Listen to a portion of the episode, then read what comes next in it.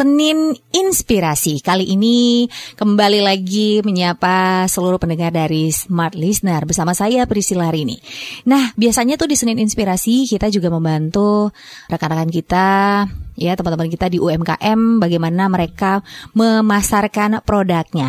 Nah, kali ini di studio, studio di studio telah hadir bersama dengan kita ada Valina Premium Cookies and Cake Ya. Assalamualaikum. Waalaikumsalam. Selamat sore. Ya. Selamat sore. Selamat sore, smart listener. Nah, biasanya ini uh, disapa dengan siapa nih kak? Dengan Rina. Kak Rina. Nah, kali ini Kak Rina uh, akan berbagi bersama dengan kita smart listener gimana uh, awal mulanya, kemudian dia usaha kue dan sekarang ya kuenya sudah lumayan cukup dikenal di Kota Makassar dan untuk rasanya tidak perlu diragukan lagi.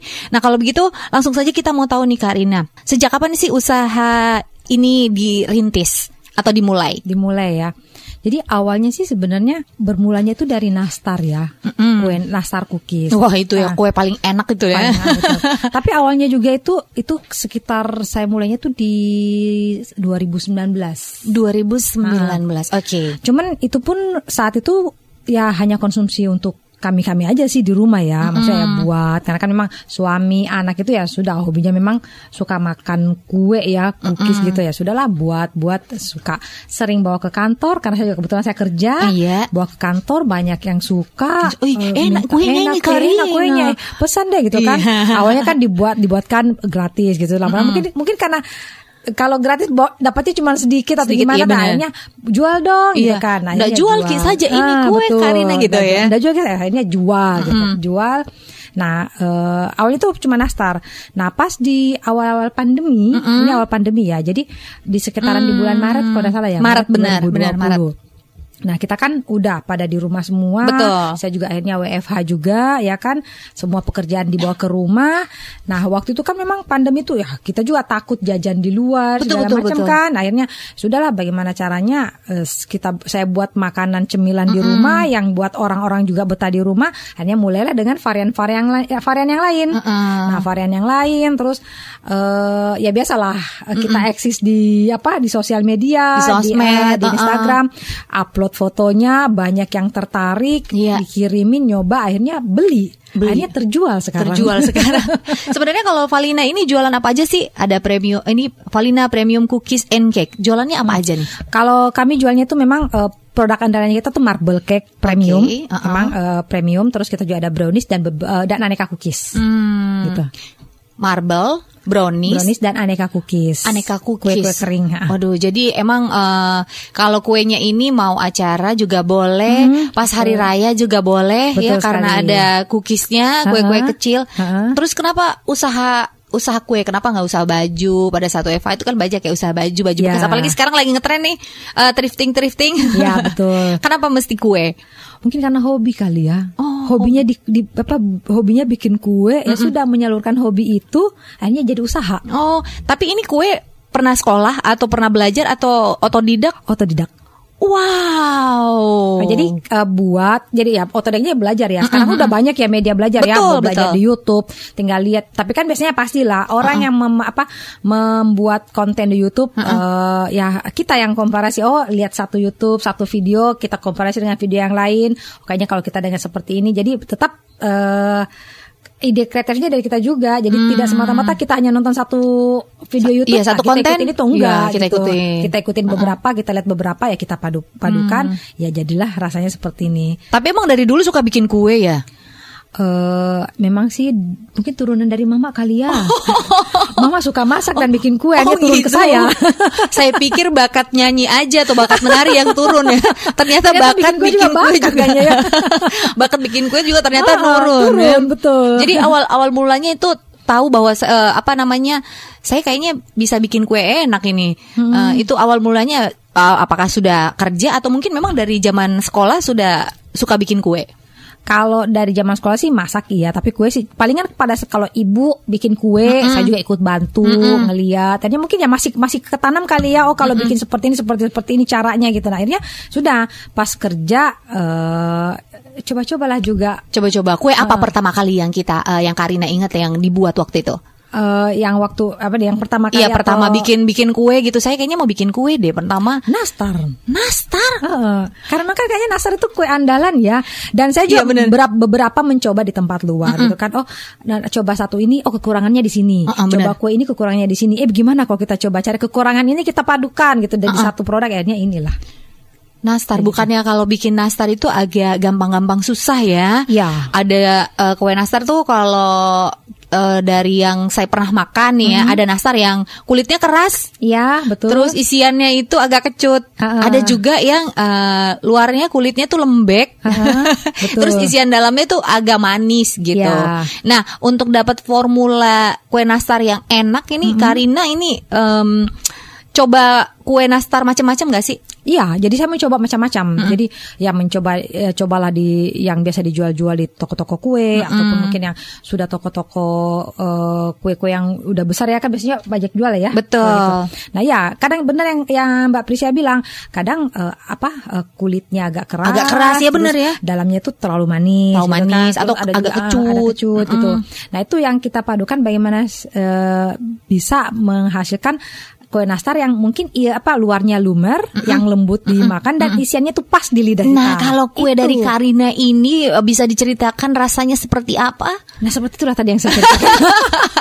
lembut pertama lembut, mm -hmm. lembut ya. Jadi memang pada saat kita makan itu betul-betul terasa karena Betul. memang kita buatnya bahan-bahan dari premium. Mm. Karena pasti akan beda lah ya. Kita membuat dengan bahan yang biasa dengan bahan yang premium. Yeah. Terus ya itu komposisinya pasti ya. Kita harus uh, kita harus uh, uh, di takarannya memang harus pas mm -hmm. yang kita kita buat dan yang tadi juga isiannya lah juga yang harus isiannya. Oke, okay. selain nastar ada varian kue apa lagi yang lainnya? Kami ada namanya crispy cheese. Kalau di luar tuh namanya lidah kucing. Gitu. Oh, nah, iya, crispy iya. cheese tapi ini beda dari yang lain. Beda. Apa Nanti bedanya? Priscilla bisa coba lah ya. bisa coba. Rasanya pasti beda. Rasanya Jadi, pasti beda. Hmm, uh -uh. Dibandingkan dengan yang lainnya tuh ini benar-benar rasanya tuh crispy, kriuk uh -uh. Uh, dan kalau dimakan itu kita tidak mau berhenti kayaknya ya. Nah, kayaknya saya harus makan terus ini. Boleh. Pas lihat ke toples ya ampun sudah habis. Halo Karina, boleh pesan lagi. Oke. okay. Nah, kalau gitu ini ini uh, mengenai kuenya. Ini kita juga mau tahu nih bagaimana hmm. uh, pertama kali kemudian Karina memasarkan uh, kuenya hmm. ke masyarakat yang ada gitu. Oke. Okay. Uh -uh. Ya, jadi awal sih uh, yang tadi saya bilang ya, cuman dari mulut ke mulut, iya. dari teman ke teman gitu oh, kan. Itu dulu awalnya. Itu awalnya. Terus memang sosial media itu sangat powerful sebenarnya mm -hmm. itu dia. Nah di sosial media kita upload, kita buat gambar uh, fotonya yang menarik, mm -hmm. yang buat orang tertarik untuk melihat okay. gitu kan, dan akhirnya membeli tapi paling kekuatannya adalah dari mulut ke mulut. Jadi pertama kali itu memasarkan kuenya itu dari kasih coba teman dulu ya. Hmm, betul. Hmm. Coba teman, teman suka. Temen suka. Aduh kayaknya enak ini ya. Terus ya, temennya kasih coba temennya lagi, hmm, nah, coba temennya lagi, temennya lagi. nah, yang paling ini kan waktu lebaran. Ya. Lebaran itu uh, yang memang lagi boomingnya juga hampers hampers ya kan? oh iya benar benar benar benar kan? nah iya.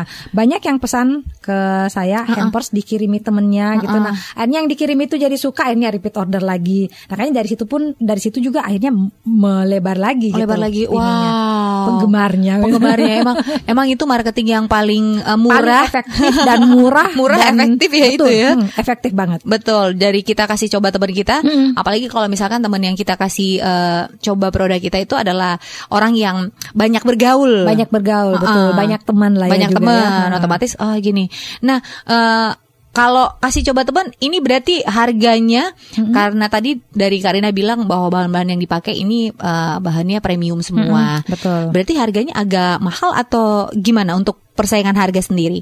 Nah, kalau persaingan harga sih kalau saya membandingkan ya, ya saya juga pasti mensurvei di luar ya, mm-hmm. mensurvei.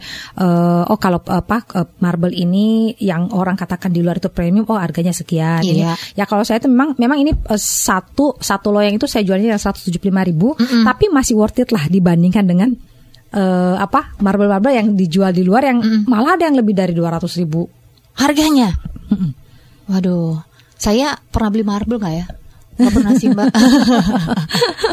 Dan saya kira pada saat dimakan ini rasanya lembut di mulut. Lebih lembut. Uh, lebih, lebih enak lah gitu. Dan apa apa kelebihannya marble daripada marble-marble lainnya?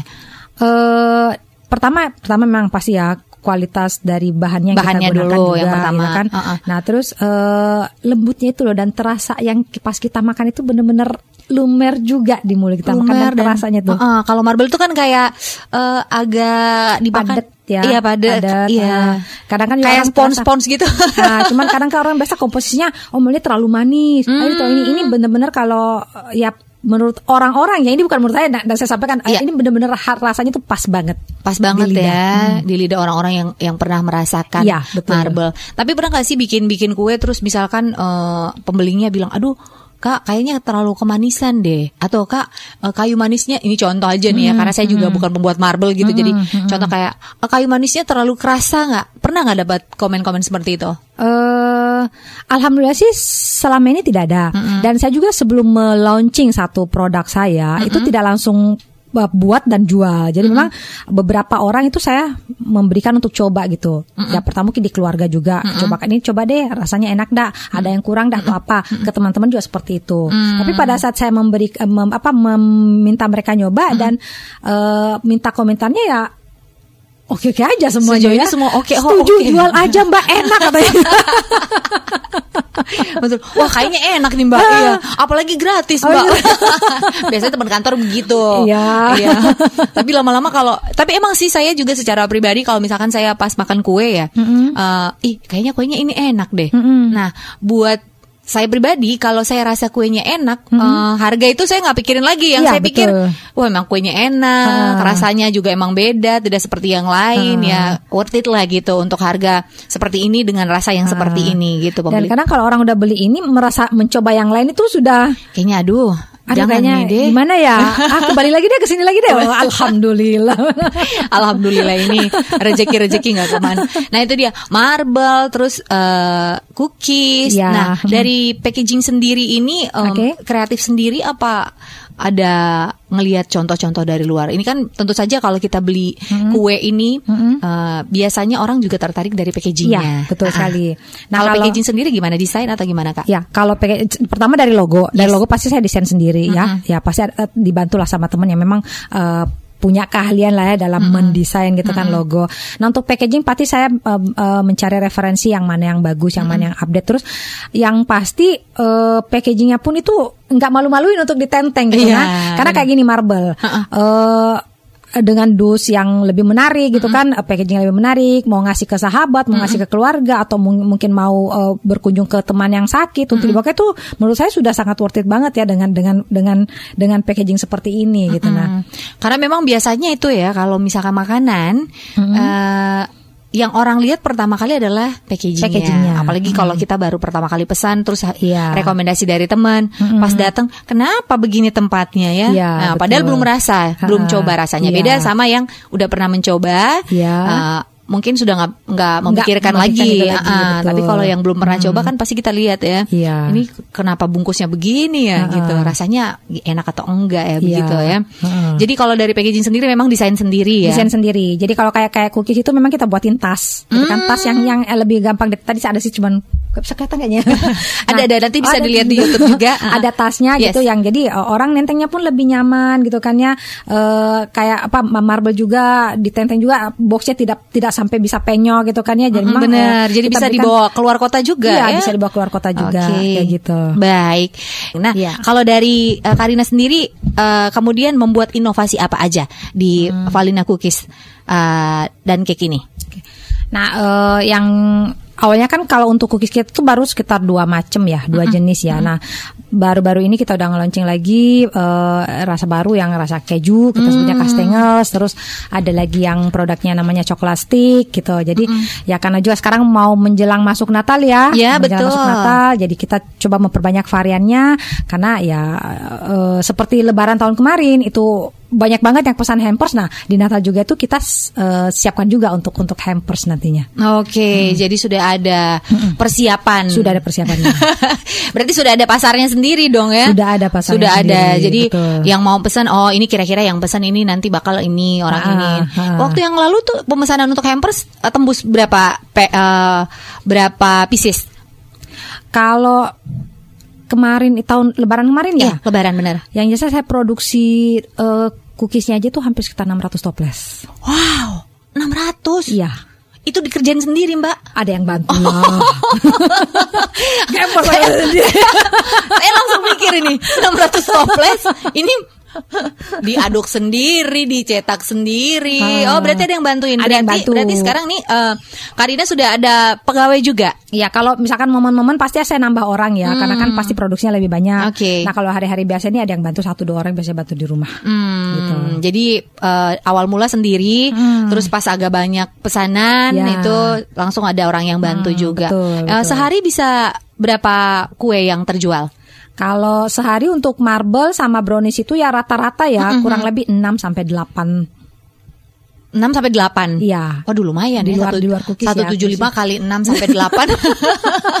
itu cuma untuk marble aja ya, ah, listener. Iya. Belum lagi kalau untuk kue keringnya. Ah, nah, kue kering kemarin itu kan masa-masa pandemi ya. Iya, betul. Ada temen yang sakit, biasa minta langsung, "Mbak, aku pesan kuenya, kue cookiesnya 3 toples, 2 toples, kirimin ke alamat ini ya, kasih uh -uh. kartu ucapan, uh -uh. selamat semoga cepat sembuh." Kayak gitu. Jadi oh, banyak juga okay. seperti itu kemarin. Uh -uh. Gitu. Oh, jadi memang lebih memudahkan sekarang iya, pembeli iya, ya. Iya, betul. Uh -uh. Jadi, jadi kita fasilat, fasilat, fasilitasi ya udah mau dikirim ke alamat mana, mm-hmm. ditujukan ke siapa, mm-hmm. pengirimnya atas nama siapa, nanti kita siapin kartnya, okay. udah kita kirim ke alamat. Uh, pakai jasa kurir atau jasa kurir? Jasa kurir. Hmm. Kan ada juga tuh yang uh, dia bikin gue sendiri, dia nganter sendiri. Iya. Ya. Kita masih pedayakan kurir. kurir yang ada. Benar. Nah, kalau kalau melihat di di pasaran sendiri selama hmm. ini menjual kue, hmm. uh, orang-orang di Kota Makassar itu senengnya kue apa gitu. Misalkan nih ya kalau kita hmm. ngeliat di pasar, kayaknya nih orang-orang Makassar tuh sukanya kuenya rasanya keju deh.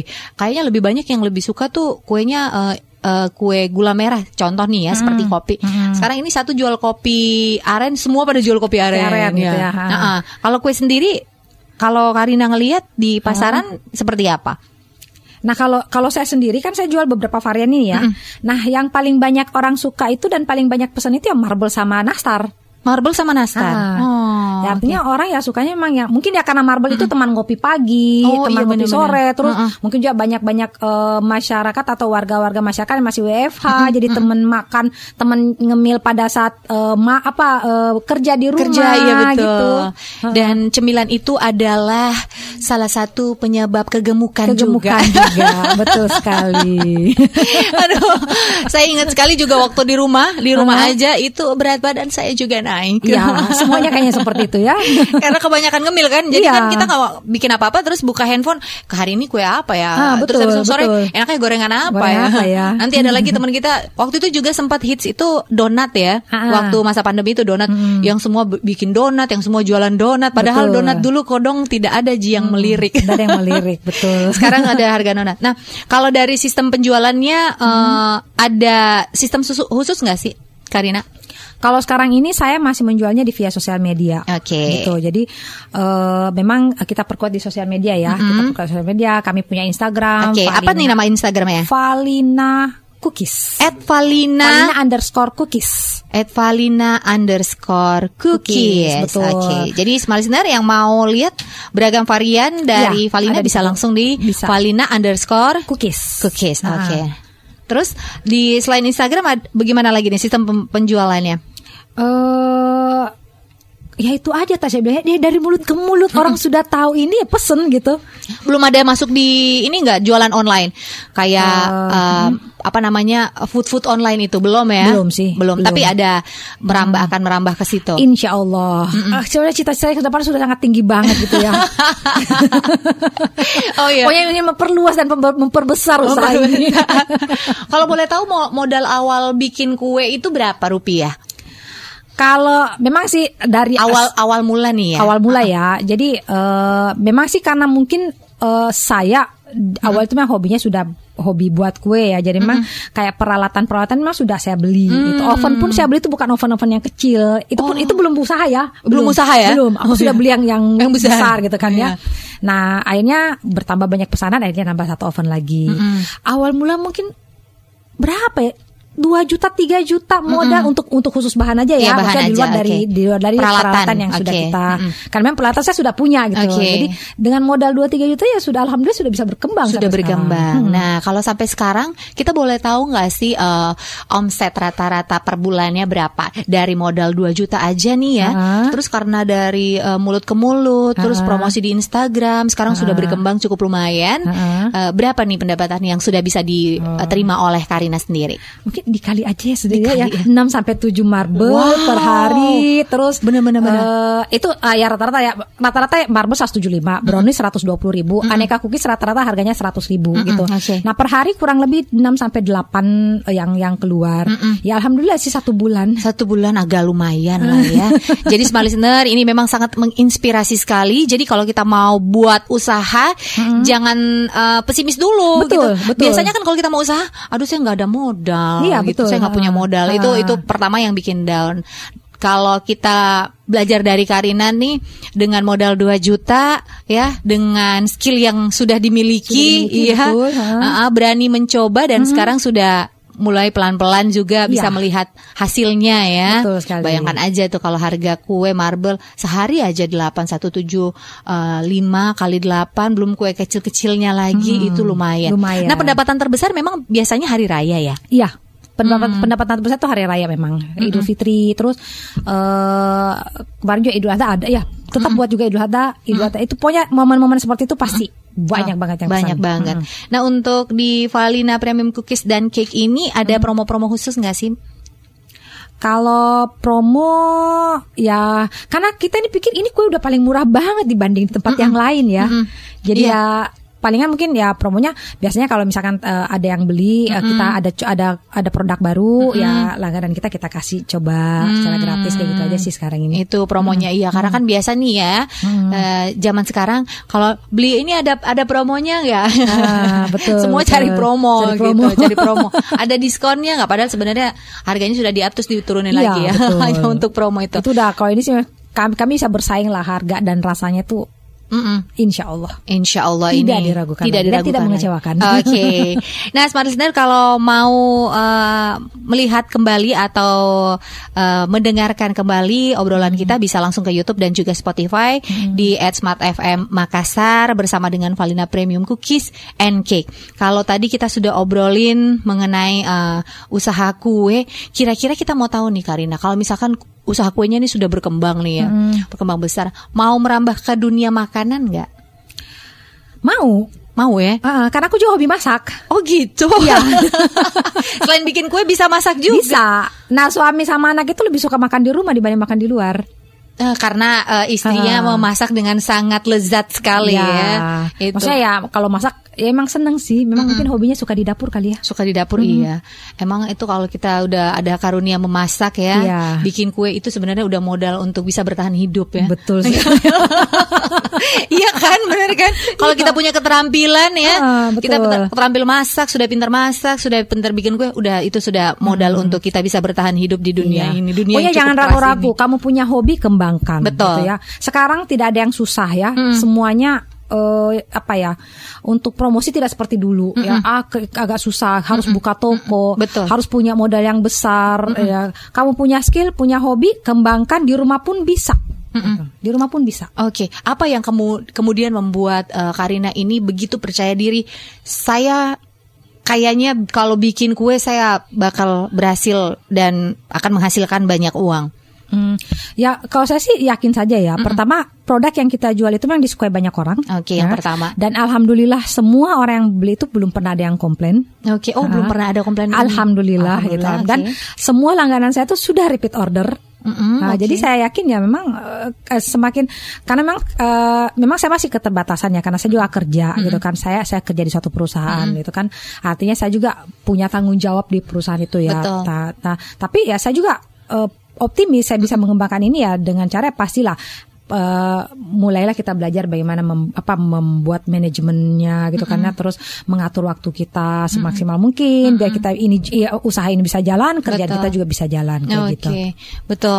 Seperti kita tahu bersama nih, kalau kita jualan kue mm -hmm. biasanya itu uh, kue itu atau makanan atau suatu produk itu akan tetap terus bertahan kalau dia konsisten dengan rasanya. Hmm, betul. Nah, menurut Karina uh, di kuenya ini sendiri hmm. uh, untuk menjaga konsisten dari rasanya hmm. seperti apa?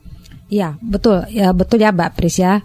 Jadi uh, saya memang kita betul-betul harus konsisten dengan rasa ya. Betul. Karena kadang ada orang itu memang di awal-awal dia memberikan yang terbaik. Iya, bener, gitu bener, ya. Oh biar biar laku kita harus gini gini iya, gini iya, gini gini. Gila sudah lari, sudah banyak pembelinya, akhirnya kualitasnya dikurangi. Mm -mm. Ba apa kualitas bahannya diturun diturunin. Nah, Mm -mm. itu sebenarnya yang uh, yang yang harus kita jaga. Mm -mm. Karena kenapa? Pelanggan kita mm -mm. yang memang yang sudah coba makanan kita, yang sudah coba produk kita, mm -mm. dia tuh di lidahnya tuh tertanam rasa itu. Iya gitu. betul nah, betul. Nah, di alam kita, bawah sadarnya, oh kalau Valina cookies ini rasanya seperti ini. Iya ah, betul. Benar. Kapan kita mengurangi? Pasti dia akan tahu. Betul. Nah, saya sendiri mengalami itu ya. Saya mm ada langganan, mm -hmm. di, uh, ada ma makanan lah makanan yang saya ya. langganan ya. Makanan di awal-awal ya. itu mm. memang sangat booming dan kita suka gitu Bener. kan. Pas kita makan memang enak banget. Nah, iya, betul. setelah laris banyak kualitasnya berkurang, saya rasa saya ikut merasakan oh, kayaknya ini ada sesuatu yang kurang ya, deh. Kenapa ya di awal-awal nah, ini ya enak, kayaknya ya enak endul gitu. Uh, Kok ke sini-sini jadi rasanya jadi, jadi aneh. Betul. Porsinya jadi lebih dikit uh. ya. Bentuknya jadi lebih kurus gitu. nah itu yeah. sebenarnya pertahankan kualitas mm-hmm. gitu. Memang sih kalau prinsip saya mending mm-hmm. saya naikkan harganya sedikit mm-hmm. gitu kan dibanding uh, kita menurunkan kualitas. Karena yeah. pasti juga orang-orang tahu lah kan sekarang uh, perekonomian kita tahu lah kapan harga naik segala yeah, macam kan itu pasti tahu semua lah uh -huh. gitu.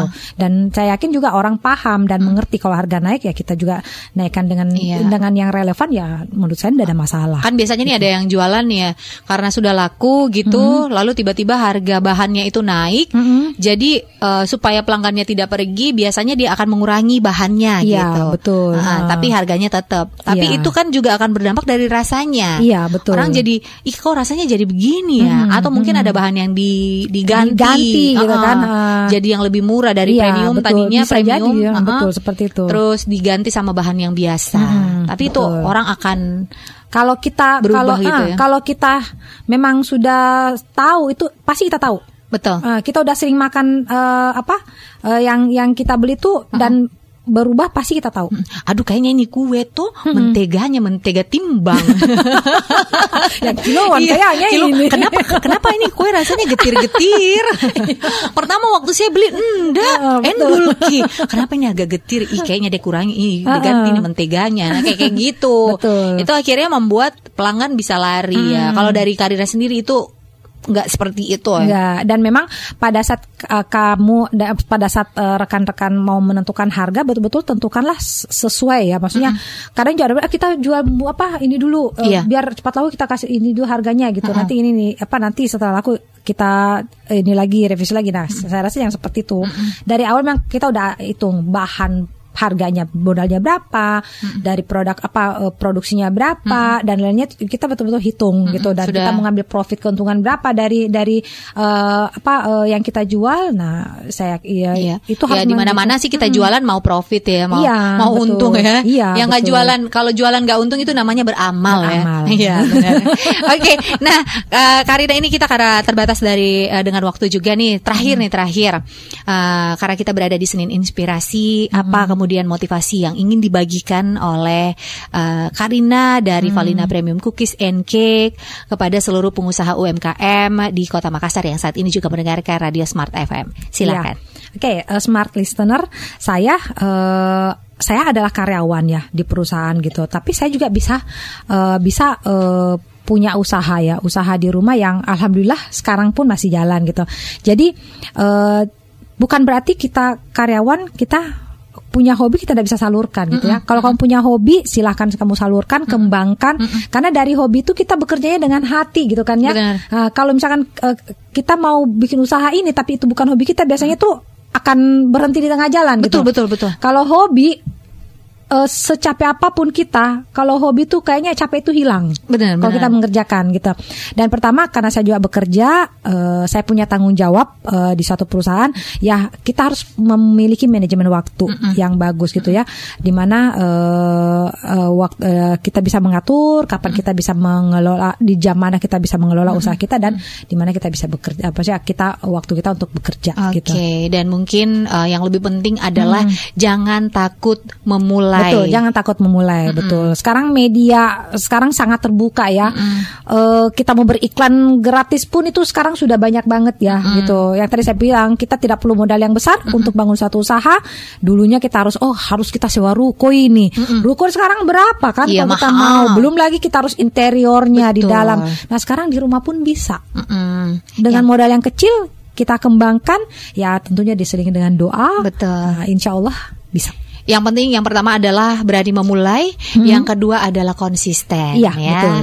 Dan uh, yang ketiga ya itu tadi kualitas tetap terus dijaga, dijaga. Hmm. karena biar bagaimanapun eh, customer adalah raja. Raja.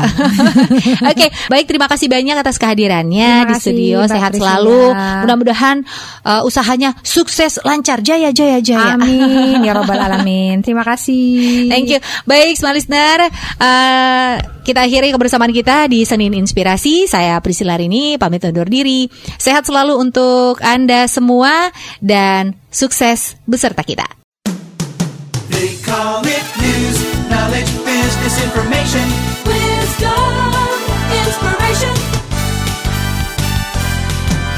They